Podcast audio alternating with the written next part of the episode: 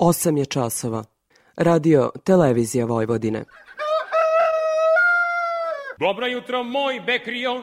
A gde si mi poranio? Dobro jutro, moj Bekrio. A gde si mi poranio? Ta kako ne bi poranio kad upravo počinje emisija Radio Novog Sada. Poljoprivredno dobro. Radio magazin za poljoprivredu i selo. Pred mikrofonom je Stevan Davidović.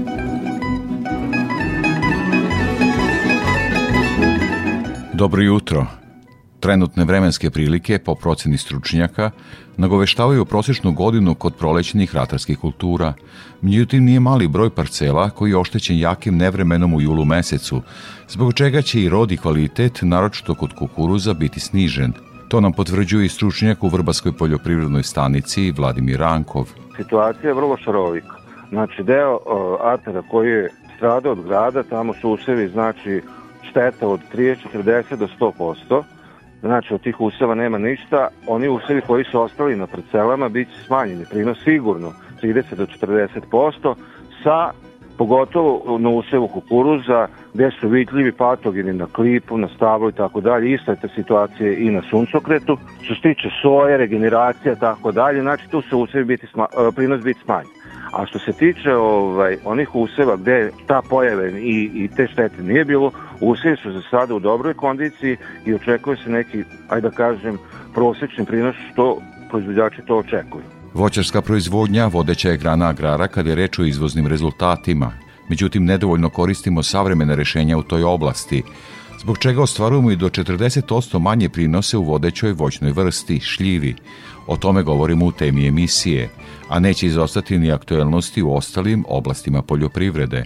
Počela je kontrola poljoprivrednih gazdistava koja su se prijavila za subvencije kroz e-agrar.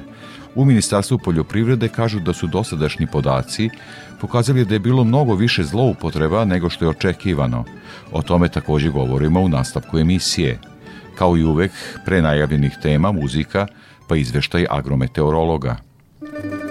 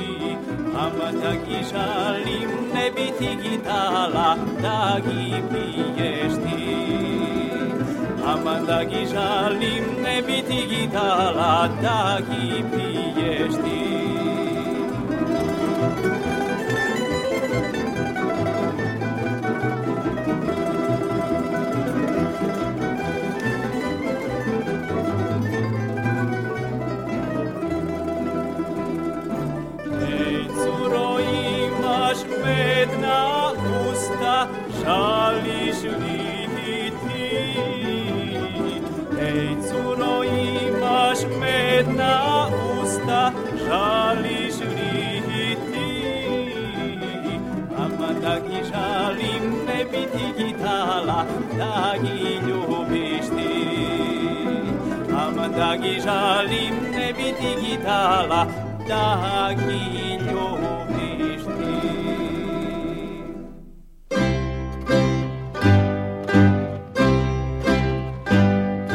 Kao što smo najavili u uvodu u prvim minutima poljoprivrednog dobra, sled izveštaja agrometeorologa iz Hidrometeorološkog zavoda Srbije Ljiljane Đingalašević.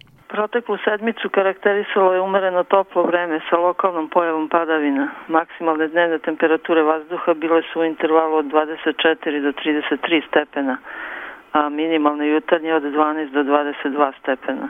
Najviše kiše bilo je na teritoriji Banata. U Banatskom Karlovcu izmereno je 93 mm, dok u mnogim mestima, naročito na jugu i zapadu zemlje, nije uopšte bilo padavina. Agrometeorološki uslovi bili su uglavnom povoljni za sve poljoprivredne kulture i useve. Većini vrsta i sorti voća, povrća i grožđa koje se nalaze u fazi zrenja, toplo vreme omogućava intenzivnu sintezu šećera i suve materije. Dovoljno vlage omogućava nesmetano nalivanje plodova i naročito je povoljno za kukuruz, soju i šećernu repu. Na parcelama pod šećernom repom registrovano je prisustvo simptoma pegavosti lišća. Padavine tokom proteklih dana stvorile su uslove za nove infekcije pomenutim patogenom. U pogledu insekata štetočina uočeno je prisustvo mlađih i starijih larvenih stadijuma obične kruškine buve, kod koje se odvija intenzivno piljenje larvi pete letnje generacije. U toku je piljenje larvi druge generacije jabukinog smotavca. Kod ratarskih kultura registrovana su novo položena jajna legla druge generacije kukuruznog plamenca, kao i polaganje jaja kukuruzne sovice. Prema prognozi u većini dana naredne sedmice očekuje se pretežno sunčano i toplo vreme.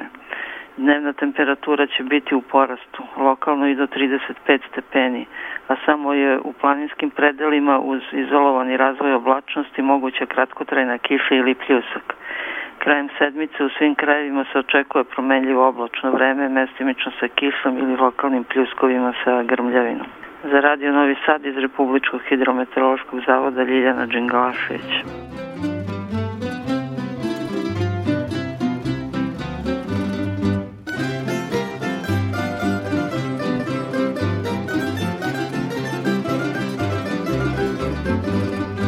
Nije mali broj parcela koji je oštećen jakim nevremenom u julu mesecu, zbog čega će i rod i kvalitet, naročito kod kukuruza, biti snižen. To nam potvrđuje i stručnjak u Vrbaskoj poljoprivrednoj stanici Vladimir Rankov. Vladimire, kakva je situacija u ataru Vrbasa kada je reč o kukuruzu, soji i ostalim jarim kulturama? S obzirom na elementarne nepogode koje su bile 13. 14. juli ove godine i da je deo atara stradao od grada, znači što se tiče i opštine Vrbas, opštine Beča, opštine Srbrno i opštine Kula, e, situacija je vrlo šarovika. Znači, deo e, atara koji je strada od grada, tamo su usevi, znači, šteta od 30, 40 do 100%, znači od tih useva nema ništa, oni usevi koji su ostali na parcelama bit će smanjeni, prinos sigurno 30 do 40%, sa pogotovo na usevu kukuruza, gde su vidljivi patogeni na klipu, na stablu i tako dalje. Ista je ta situacija i na suncokretu. Što se tiče soje, regeneracija, tako dalje, znači tu se usevi biti sma, e, prinos biti smanjen. A što se tiče ovaj, onih useva gde ta pojave i, i te štete nije bilo, usevi su za sada u dobroj kondiciji i očekuje se neki, ajde da kažem, prosečni prinos što proizvođači to očekuju ali situacija je takva na terenu da deo Atare stvarno, što se tiče generalno četiri opštine koje pokriva poljoprivredna savjetna stručna služba Vrbas, dobiju štetu od tog grada, tako da poljoprivredni proizvođači su prijavili te štete, kakvi će biti sada odgovori lokalnih samouprava ili resornog ministarstva ili sekretarijata, to ostaje da se vidi. Pretpostavljam nove cene koje su aktuelne kada je ratarstvo u pitanju, ovo je dodatni problem. Šta kažu poljoprivrednici? Pa poljoprivrednici očekuju neki odgovor. Mi smo kao e, služba na terenu i pratimo situaciju, pratimo u e, svakodnevnom kontaktu sa poljoprivrednim proizvođačima, ali ne, nismo ustavno da mi sad kažemo e, bit će to pokriveno, neće biti i tako dalje. Mi smo tu da pratimo situaciju, pogotovo e, stanjem akcenat na prognoznu izvršnu službu naše stanice koje prati situaciju pojavi patogeni daju neki savjet, preporuku šta bi mogu da se desi sa, tom, sa tim usevom, da li na vreme da sklone use sa parcele, da li da sačekuju e, kraj vegetacije i tako dalje. A sami poljoprivrednici očekuju pomoć, ajde da kažem, resornog ministarstva, u kom pravcu, kako, šta, uh, najverovatnije će se vidjeti u nekom narednom periodu. I možda par reči da kažemo o povrtarima. Vladimire, e, oni imaju dosta i onih plastenika, dakle prostora da se šteta napravi je mnogo. Šta se tu desilo? Uh, pa isto tako, imamo situacije da su folije sa plastenika prosto odnešene, imamo situacije da su samo neke fleke od, od sitnog grada na plasteniku, odnosno na foli gde usev nije uništen. Što se tiče proizvodnje povrća na otvornom polju, tamo gde je taj provlak oblaka prošao, tu od proizvodnje nema ništa. Imamo proizvodnju u Ruskom krastoru gde su, gde je rasađeno useva karfiola i kupusa, to je jednostavno sabijeno u zemlju. Znači, to su one e, štete e, koje stvarno bi trebalo da se priznaju proizvođačima, jer je ulog, ulog jako veliki. Ulog u povrtarsku proizvodnju je izuzetan, E, pogotovo što svakodnevno evo, znamo troškove koji su inputi koji ulaze u poljoprivrednu proizvodnju visoki, pogotovo i ove godine, tako da stvarno nešto bi trebalo tu da se učini. Mi kao služba stojimo na raspolaganju i proizvođačima i ministarstvu, tako da kontakti su svakodnevni i nadamo se da će, da će se naći neko rešenje stvarno da ti proizvođači budu nekako bar obeštećeni što se tiče ove godine. Vladimire, možda par reči, to je naravno deo ratarstva, ali sam namerno posebno izdvojio šećerna repa. U kakvom je stanju, kako su to očekivanja s obzirom i na podršku države za gajanje ove kulture ove godine? Kakva je situacija? Što se tiče e, šećerne repe, ona je zastava nešto više nego odnosno na prošlu godinu. E, verovatno su proizvođači videli razlog zato što država, odnosno resorno ministarstvo subvencioniše po hektaru ono što su obećali Međutim, u startu, to svi proizvođači su do, dobro znaju, mora da ta površina gde je zasnovan u šećerne repa mora da bude upisana u evidenciju e, strukture biljne proizvodnje. To je ono prvo. Druga stvar, poljoprivredni proizvođači znaju da je to digestija 16, da je 50 tona po hektaru i tako dalje plative repe. Međutim, opet se vraćamo na elementarnu nepagu 13. 14. juli, gde je usad taj stradao. Repa je biljna vrsta koja se regeneriše mora da se odradi tu neki tretmani ponovo uh, mere energije useva da bi ta proizvodnja izvukla do kraja. Međutim, čim uh, mlado liće raste, tu je uh, opada sadržaj šećera, znači bit će smanjen digestija.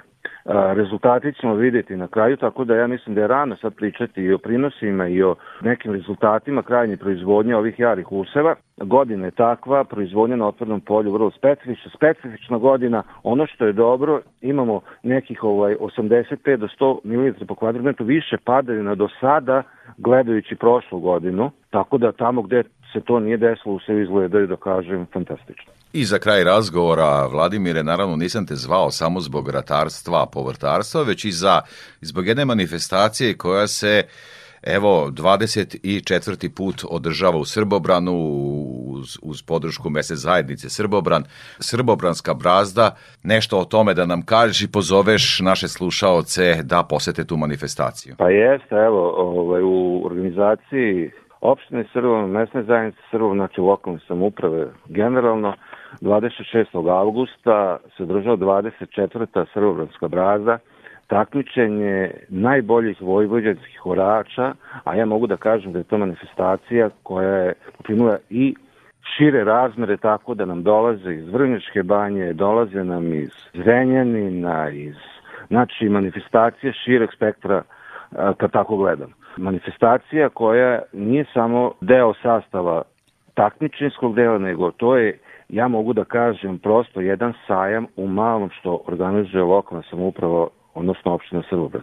Izložbena, izložba mehanizacije, prihod mehanizacije u radu, predstavljanje semenskih hemijskih kompanija, tako da prosto evo, e, ako mogu da na ovaj način pozovem sve zainteresovane poljoprivredne proizvodjače, ljude, što kažem, dobre volje, da budu naši gosti 26. augusta u 10 časova na poligonu Pionirade Srbobran, da prikažemo sve potencijale što se tiče same poljoprivrede. Vladimir Rankov, poljoprivredna stručna služba u Vrbasu, veliko ti hvala za ovo javljanje i učešće u programu Radio Novog Sada. Hvala i vama i nadam se da se vidimo 26 u Srbobranu na 24. Srbobranskoj drazi. Naravno, kao i uvek. Svako dobro još jednom.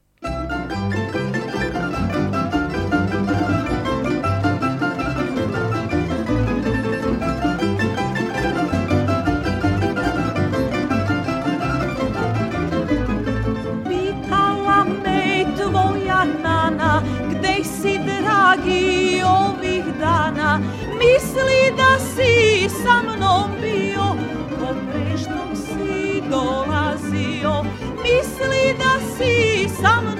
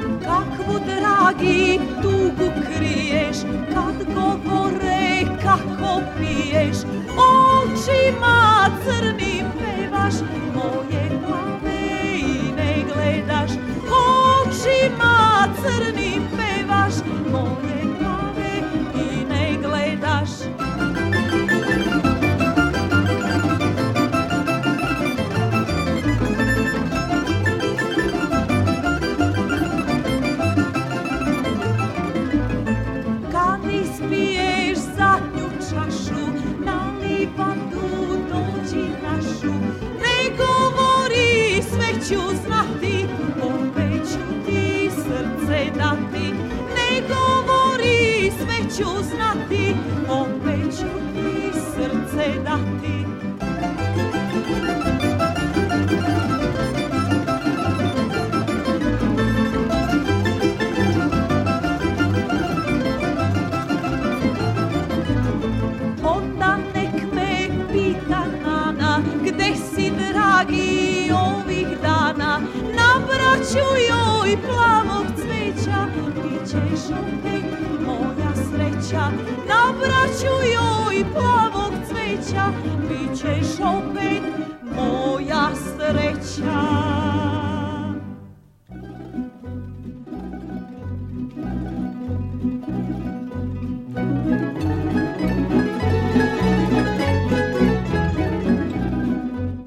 Aktuelnostima u kretanju štetnih organizama slušamo izvištaju Milice Tepić iz prognozno izveštene službe za zaštitu bilja. Nalazimo se u periodu proizvodne sezone kada posebnu pažnju moramo obratiti u vinogradima kao i u usevima šećerne repe i povrća jer određeni štetni organizmi i dalje prete da ugroze proizvodnju nabrojanih biljnih kultura.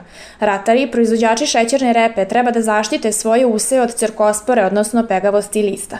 Zbog padavina koje su realizovane početkom nedelje, prisutnih jakih jutarnjih rosa i visoke vrednosti relativne vlažnosti vazduha tokom noćnih sati, postoji visok rizik od daljeg razvoja cerkospore. U ovom periodu kada dolazi do pada noćnih temperatura omogućava se sinteza šećera u korenu, te se nikako ne sme dopustiti širenje bolesti i gubitak lisne mase. U suprotnom, može doći do retrovegetacije, istrpljivanja biljaka i gubitaka kako u prinosu, tako i u sadržaju šećera. Zbog svega navedenog, neophodna je zaštita repe primjenom kombinacije preventivnih i sistemičnih fungicida. Nedelju koja je za nama obeležila intenzivno prisustvo kukuruzne sovice u povrću. Pregledom useva registruje se prisustvo položenih jaja kao i tek ispiljenih larvi te štetočine, a procenak biljaka sa jajima se kreće od 10 do čak 90% na najugroženijim parcelama. U toku je intenzivno piljenje larvi koje mogu naneti velike štete usevima. Poseban oprez upućujemo proizvođačima paprike, paradajza, kukuruza šićerca, postrne boranije, jer su ovo i najugroženiji usevi u ovom momentu. Proizvođačima se preporučuje pregled na prisustvo jaja, ove štetočine i po potvrdi prisustva sprovođenje hemijskih mjera zaštite primjenom nekog od registrovanih insekticida, ali strogo vodeći računa o karenci primenjenih preparata s obzirom da je berba pojedinih biljnih vrsta ugroženih od kukuruzne sovice u toku. Vinogradari će ove nedelje imati pune ruke posla jer nastupa poslednji, ali ključni tretman u zaštiti ove voćne vrste od štetočina. Grožđe je u fazi sazrevanja, a u vinogradima se registruje prisustvo štetočina koje mogu da ugroze rod i kvalitet grožđa. Na lovnim klopkama sa mirisnim atraktantom registruju se ulovi azijske voćne mušice, a beleži se i aktivnost treće generacije pepeljastog grožđenog muljca u ugroženim vinogorima, Vruškogorskom, Vršačkom, Potijskom, Župskom i Smederevskom vinogorju. Na mestima gde ženke azijske voćne mušice zasecaju pokožicu bobica kako bi položile jaja i na mestima gde se larve pepeljastog grožđenog muljca ubušuju u bobice, otvara se put za naseljavanje gljiva prozrokovača truleži, pre svega sive truleži grožđa, što za posledicu može da ima smanjenje prinosa, ali i kvaliteta vina. Dodatni rizik predstavlja i činjenica da ulaskom vinove loze u faze sazrevanja, kada bobice omekšavaju, kada se količina šećera povećava, ona postaje veoma osetljiva na infekcije upravo prozrokovačem sive truleži.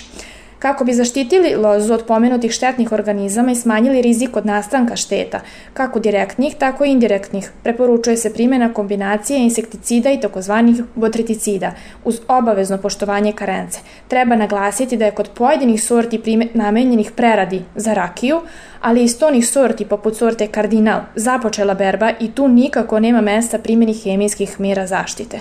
Detaljnije informacije o pomenutim i drugim štetnim organizmima i merama njihove kontrole u usevima i zasadima naši slušaoci mogu pogledati na portalu prognozno izveštajne službe za zaštitu bilja odakle se javlja Milica Tepić.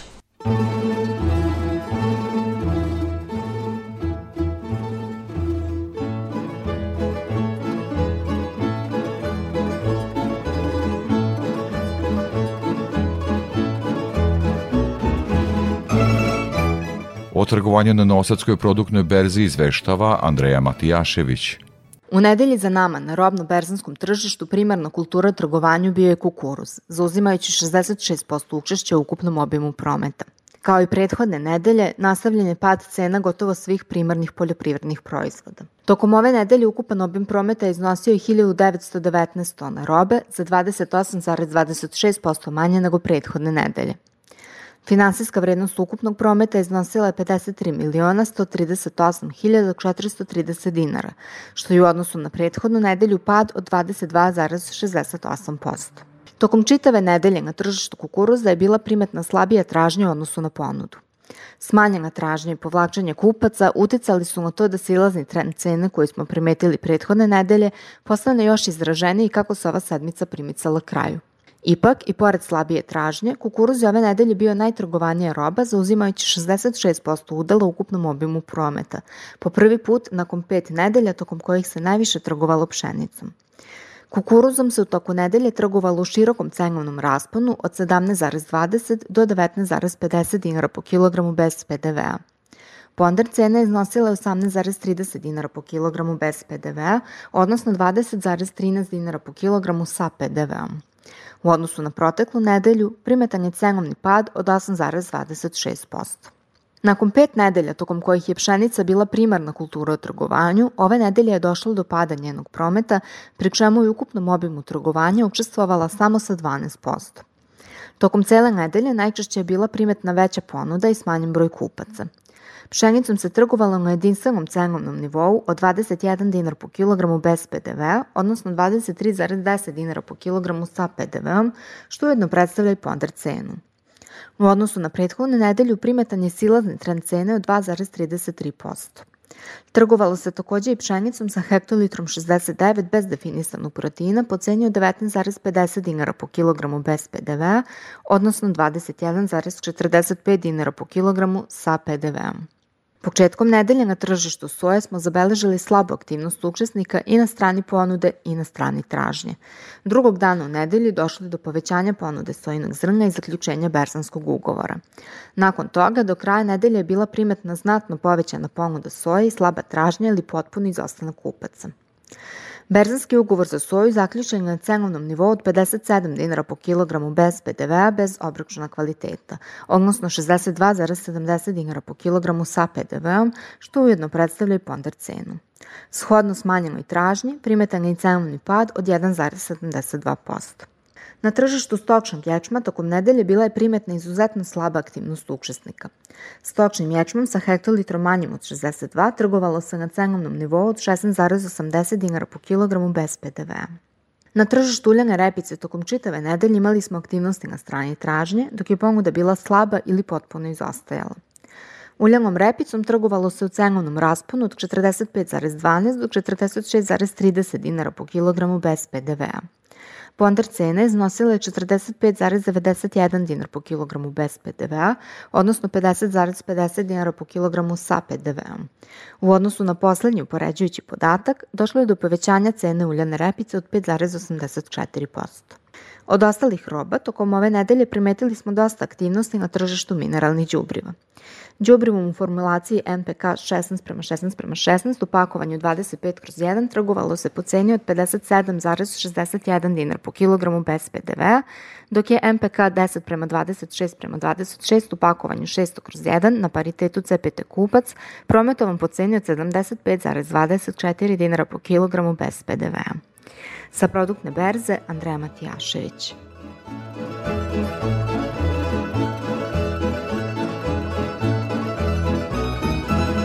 Kao i svake nedelje pratimo izveštaje o cenama sa tržišta žive stoke.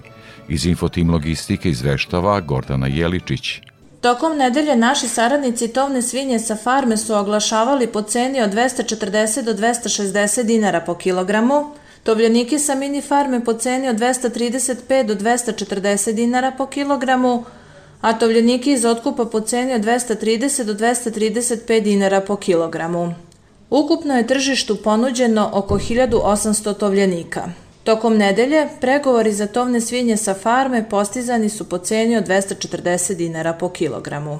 Za iduću nedelju, klaničari će plaćati farmsku robu po ceni od 260 dinara po kilogramu.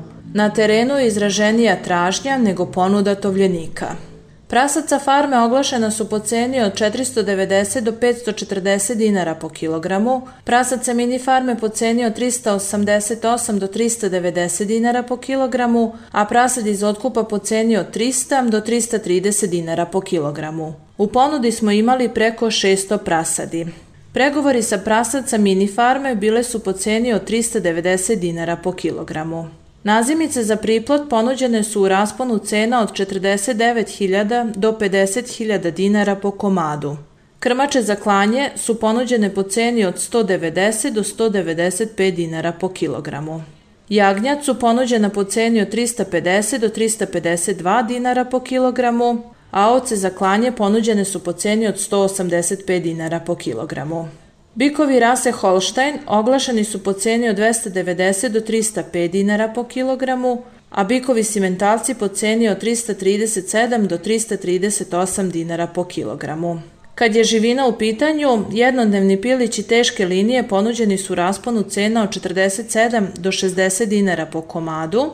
U ponudi smo imali i 18-nedeljne koke nosilje po ceni od 800 dinara po komadu, a ponuda tovnih pilića bila je po ceni od 150 dinara po kilogramu. Cene su izražene bez PDV-a. Za Radio Novi Sad, Gordana Jeličić iz Infotim Logistike.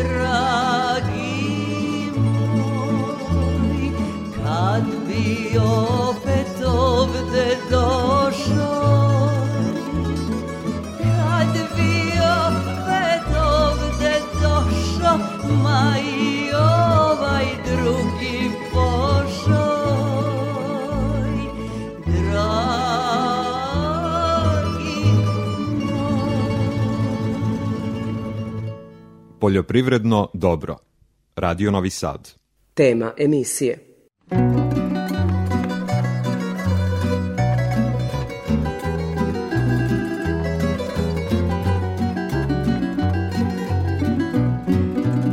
U temi emisije govorimo o voćarstvu. Gost u studiju je profesor Zoran Keserović.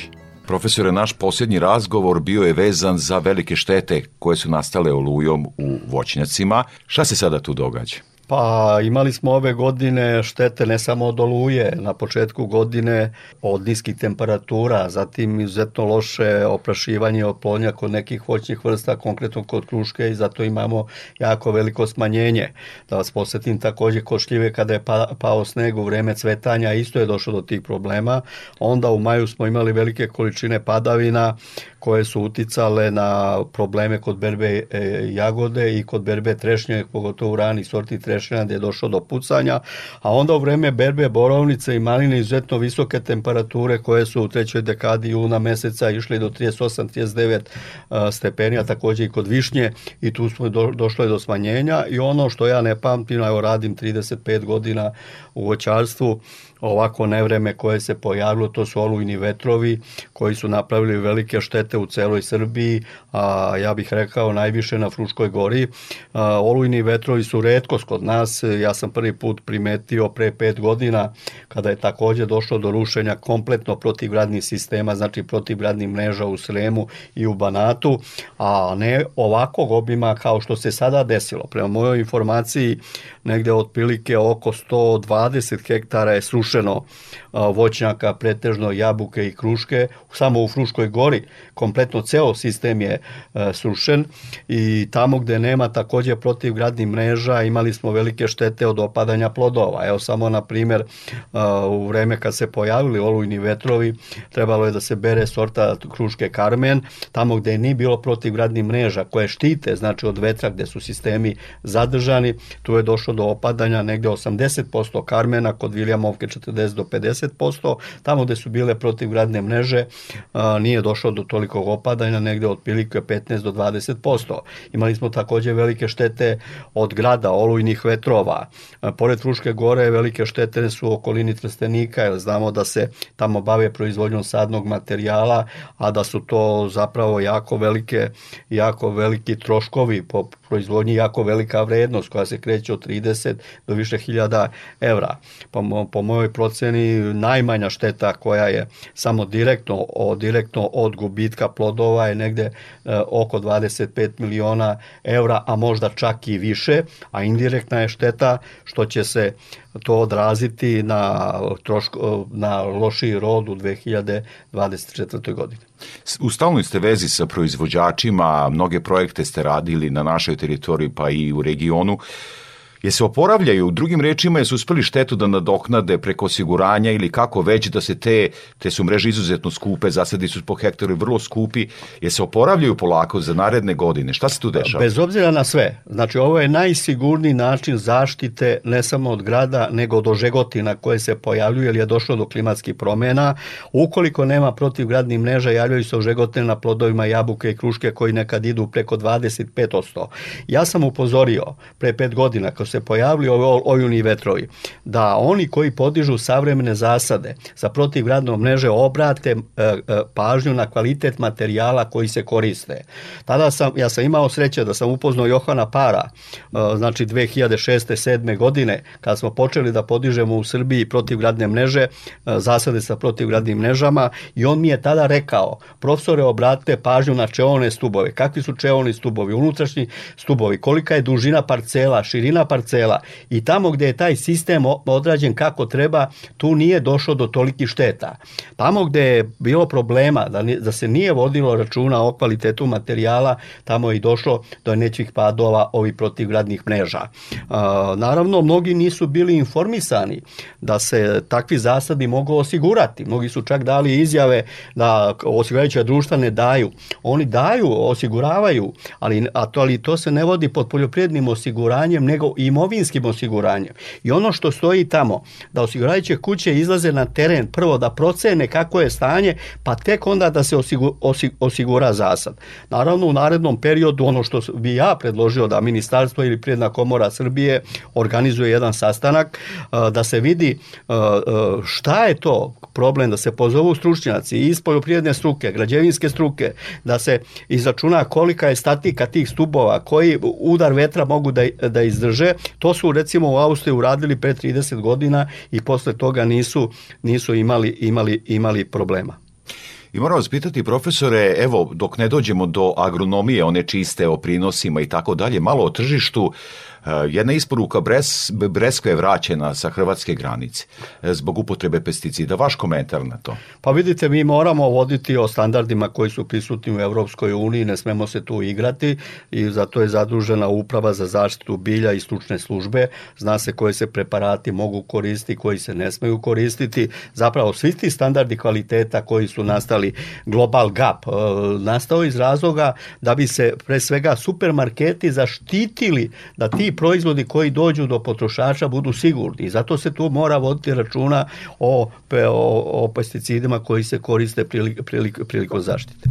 Koliko je dobra poljoprivredna praksa, voćarska praksa prisutna na našim gazdinstvima, da se ovo ne događa, ali ipak u pitanju je i ugled našeg voćarstva. Ja mislim da se tu jako vodi računa o svemu tome, žao mi je što se to desilo, verovatno se zna odakle su te breskve i u narednom periodu treba stručne službe da povedu zajedno sa upravom za zaštitu bilja računa da do toga više ne dolazi. Sigurno mi smo jedna od regija, ne i regija, nego nejača zemlja kada je u pitanju voćarska proizvodnja proizvodnja i ako se nešto desilo pozitivno u poljoprivrednoj proizvodnji, to jeste u voćarskoj proizvodnji. Samo da, se, da vas podsjetim da mi zarađujemo preko 800 miliona dolara od izvoza voća. Da i ove godine, bez obzira na sve probleme koji su postojali, problemi kod jagode, nešto kod višnje, ne možemo reći da cena nije bila dobra jeste da se prinos očekuje malo niži, ali mislim da je većina proizvođača koji su dobro radili tehnologiju proizvodnje kod pojedinih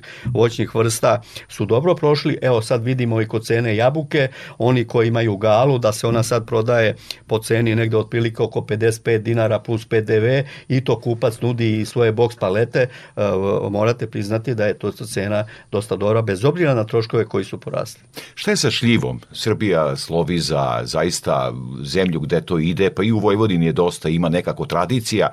Šta je sa cenama, šta sa prinosom? Šljiva je u istoriji igrala veoma važnu ulogu u razvoju zemlje, zemlje Srbije i po proizvodnji mi smo na prvom mestu, čak u svetu smo na prvom mestu kada je u pitanju proizvodnja gde se u proseku proizvede 450 do 500 hiljada tona, čak u pojedinim godinama i preko 650 hiljada tona, ali moram priznati da tu nismo dovoljno uradili na unapređenju tehnologije proizvodnje šljive.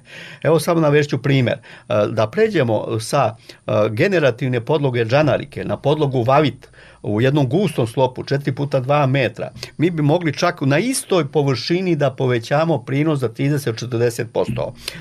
No oni koji rade ekstenzivnu proizvodnju, oni se često žale na cenu, kao recimo kod proizvodnje višnje gde smo imali problema u centralnoj Srbiji. Ali molim vas, oni koji imaju dobru proizvodnju, ja znam proizvođače i šumadije koji, izvo, koji su izvozili lepoticu po negde otprilike 60 i nešto eurocenti da su otkupljivali po 55 dinara, morate priznati da je to dobra cena. Ako ide šljiva za preradu, naravno, ako je i niža cena, ukoliko vi koristite tresače, gde su troškovi, troškovi berbe otprilike 3 do 4 dinara, u odnosu na berbu koja je, jel tako, ako se angažuje radna snaga 13 do 14 ili više dinara, znači mora se gledati kako da se smanje troškovi proizvodnje i da se poveća proizvodnja pojedinci površine.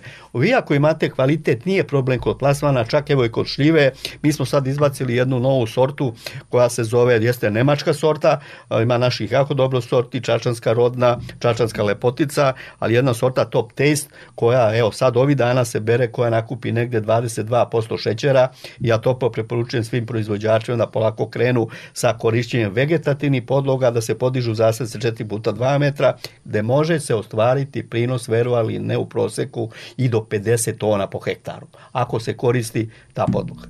Šta je sa prerađivačkom industrijom? Baš kad je kod šljive, da se kratko zadržimo, o, očigledno sušenje šljive, suva šljiva upakovana, dobro brendirana i sigurno ima svoje tržište. Dok ja, smo stigli u tom delu? Ja sam u nekoliko navrata izjavio da Srbija nema dovoljno prerađivačkih kapaciteta. Evo, ponovo se pokazalo i ove godine kada je bila berba višnje, da zapravo nisu mogli ljudi da beru višnju, jer prerađivački kapaciteti nisu mogli da stignu da prerade. I to je bio zapravo o, razlog zašto je oblačinska višnja u, uš, ušla u problem. Kada je u pitanju sama tehnologija suve šljive, Suva šljiva je kroz istoriju igrala veoma važnu ulogu. Samo da vas posetim da je u Kneževini Srbiji 1867. godine izvezeno negde od 4000 tona suvi šljiva i da je zarađeno 84.000 dukata. Da smo mi sad pali na tu proizvodnju, zamislite, sada imamo negde 4 do 5000 tona. Očigledno da mi još uvek nismo izabrali odgovarajuću sordu i, ni, i da nismo standardizovali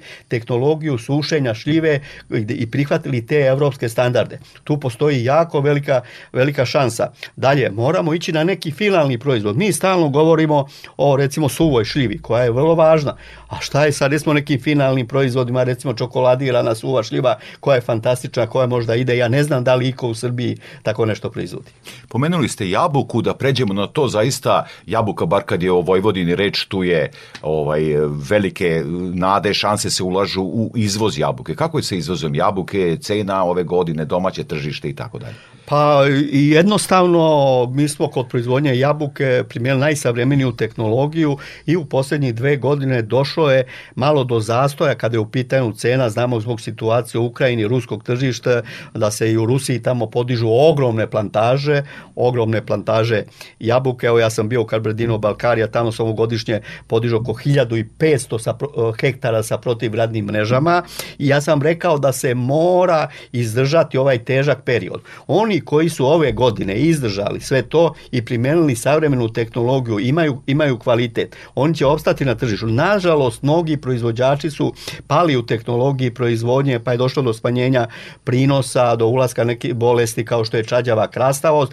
tako da ja očekujem s obzirom na smanjenje koje je u Evropi negde oko 3%, 3% da će ove godine proizvođači jabuke koji su dobro radili imati do, o, dobru cenu i da će biti zadovoljni sa ovom godinom. Za sad gala ide ide po dobroj ceni, negde otprilike oko 55 euro centi, ja očekujem da će to biti i kod ostalih sorti. Od drugih voćnih vrsta, šta biste izdvojili za ovaj razgovor da možda treba obratiti pažnju i gde nam je šansa?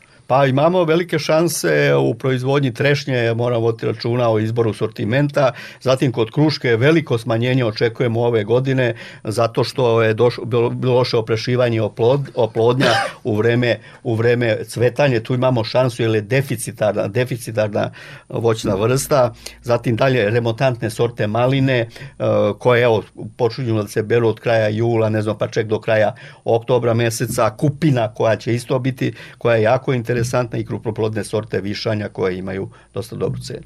I za kraj razgovora, profesore Keserović, e, vi i ja smo često bili gosti i išli sa našim zadrugarima, sa Zadruženim savezom Vojvodine, po mnogim imanjima. Dakle, udruživanje poljoprivrednika, jer nekako bi da objedinim celo, ceo ovaj razgovor, dakle, i kod osiguranja i kod podizanja modernih zasada, pa evo i tržišta pakovanja, zadruge, očigledno imaju veliki značaj. Koliko to treba unaprediti, gde smo mi odnosu na Italiju, koja je zaista jaka voćarska Pa mi smo u regionu, što se tiče razvoja zadrugarstva, vodeći, moram priznati da je tu jedno vreme i Ministarstvo za brigu o selu izdvajalo novac. Nema pre svega razvoja u Srbiji bez udruživanja. Mislim da ni država dovoljno nije prepoznala značaj udruživanja udruživanje. Zapravo to su male parcele. Oni da bi mogli da opstanu u ovoj surovoj konkurenciji, oni se moraju udruživati da bi smanjili troškove, troškove same proizvodnje. Mi imamo dosta primjera, recimo formiranja zadruga u voćarstvu, što je jako dobro, ali mislim da treba više raditi na tome da bi sami zadrugari mogli da opstanu, jer ne mogu se boriti sa velikim kompanijama ukoliko nemaju svoj finalni proizvod. To imamo slučaj evo kod maline, gde su hladnjačari odvojeni zapravo od proizvođača, a moj je cilj da jednostavno te male proizvođače udružimo, da oni budu vlasnici finalnog proizvoda i da ih oni prodaju. Profesor Zoran Keserović, Poljoprivredni fakultet u Novom Sadu, veliko vam hvala za ovaj razgovor i učešću u programu Radio Novog Sada. Hvala vama na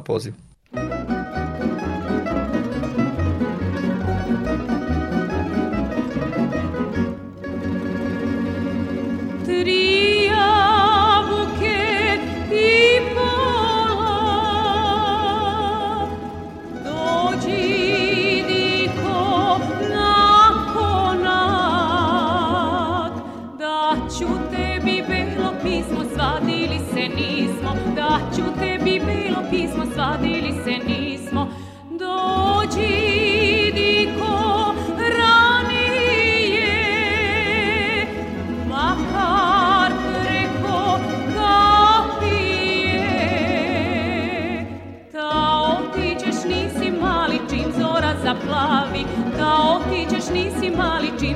zaplavi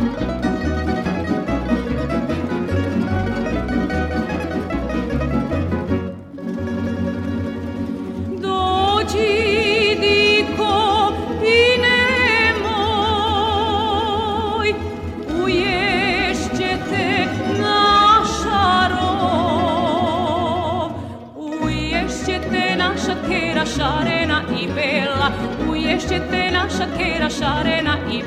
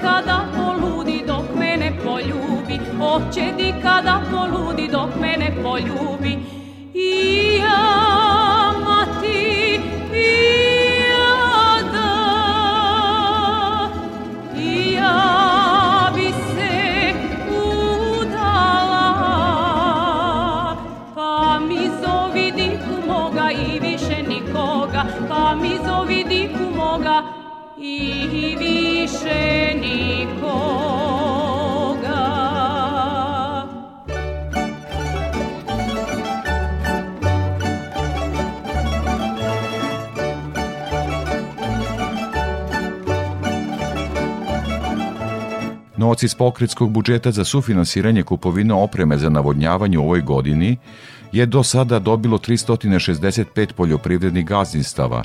Na taj način će se navodnjavati novih 3000 hektara obradivih površina. U pokrenjskoj vladi posljednjih 50 gazdinstava preuzelo je ugovore za te namene, o tome Đorđe Simović.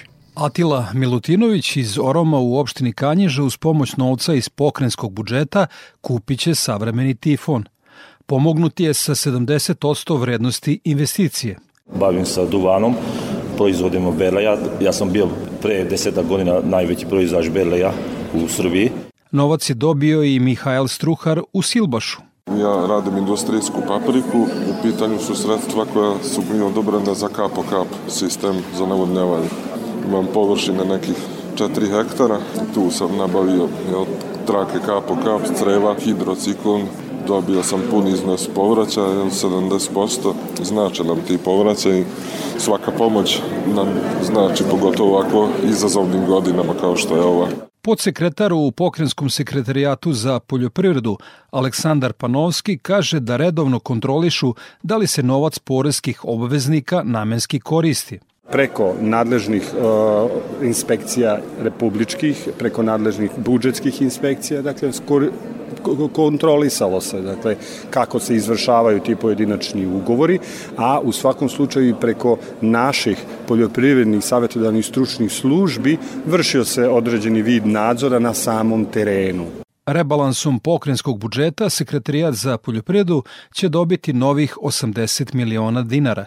Tim novcem će moći da pomognu sve poljoprivrednike koji su konkurisali, a ispunjavaju uslove za sufinansiranje kupovine opreme za navodnjavanje. Da podsjetim, zainteresovanost poljoprivrednika za pomoć pokrenjske vlade za investicije za te namene veća je za 40% nego lane.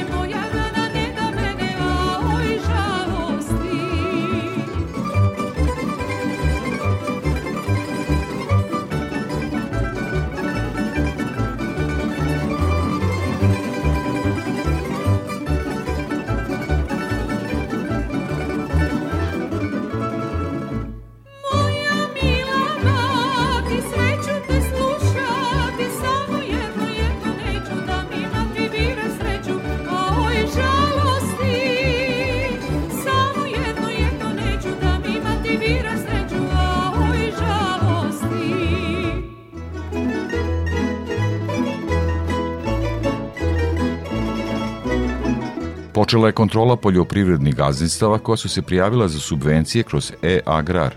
U Ministarstvu poljoprivrede kažu da su dosadašnji podaci pokazali da je bilo mnogo više zloupotreba nego što je očekivano, opširnije Slobodan Vidović. Prvi rezultati kontrole prijava kroz e-agrar koje su upoređene sa satelitskim snimcima parcela pokazuju neslaganja, kaže resorna ministarka Jelena Tanasković. Neretki su slučajevi gde imate da je prijavljena parcela da se obrađuje neka kultura, pšenica, kukuruz, šta god, a da je šuma, na primer, na polovini te parcele. Neretki je slučaj da imamo objekat čak na parceli, naravno, koji je nelegalno izgrađen, jer to je poljoprivredno zemljište, a vama je prijavljena neka kultura. Jako puno imamo prijava za suncokret, jer je prošle godine i ove se isplaćivao suncokret, a da suncokreta uopšte nije bilo. Prema njenim rečima, država je sada po prvi put u mogućnosti da proveri podatke koje je pojedinac dao kada se registrovao u registar poljoprivrednih gazdinstava. Kaže i da se za poljoprivredu izdvaja veliki iznos u budžetu i da zato mora da postoji kontrola, kako bi se taj novac koristio adekvatno. Ako vi sada tražite kao poljoprivrednik da se po hektaru, na primer, subvencija sa nekadašnjih 6000 dinara, u ovoj godini će biti isplaćeno 18.000 dinara, zahtev je da ide na 300 eura, vi morate pojačati kontrolu da tačno znate kome dajete, za koju kulturu dajete i koliko te kulture na kraju krajeva dobijate kao proizvod gotovo, odnosno kao rezultat. Prema podacima Uprave za trezor u Srbiji je registrovano ukupno skoro 450.000 poljoprivrednih gazdinstava. Ranije je saopšteno da je preko e-agrara putem satelitskih snimaka utvrđeno da su podnete lažne prijave za subvencije za čak pola miliona hektara površina koje se ne obrađuju, što je oko 80 miliona evra. Prema tim navodima, najmanje 20.000 ratara podnelo je lažne prijave.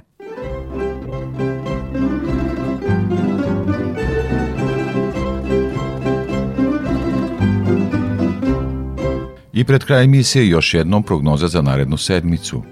Iz Hidrometeorološkog zavoda Srbije Ljiljana Đingalašević. Prema prognozi u većini dana naredne sedmice očekuje se pretežno sunčano i toplo vreme.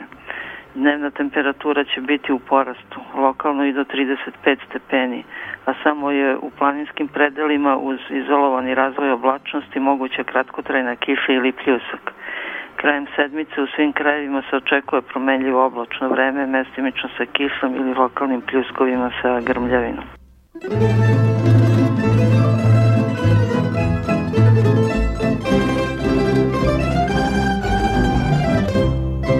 To bi bilo sve što smo pripremili za ovo izdanje poljoprivrednog dobra Radio Novog Sada.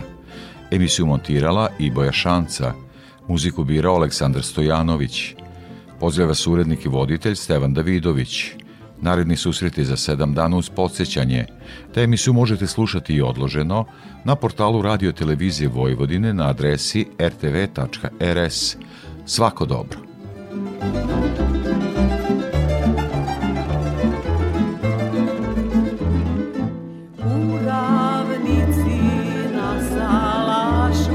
čuvajte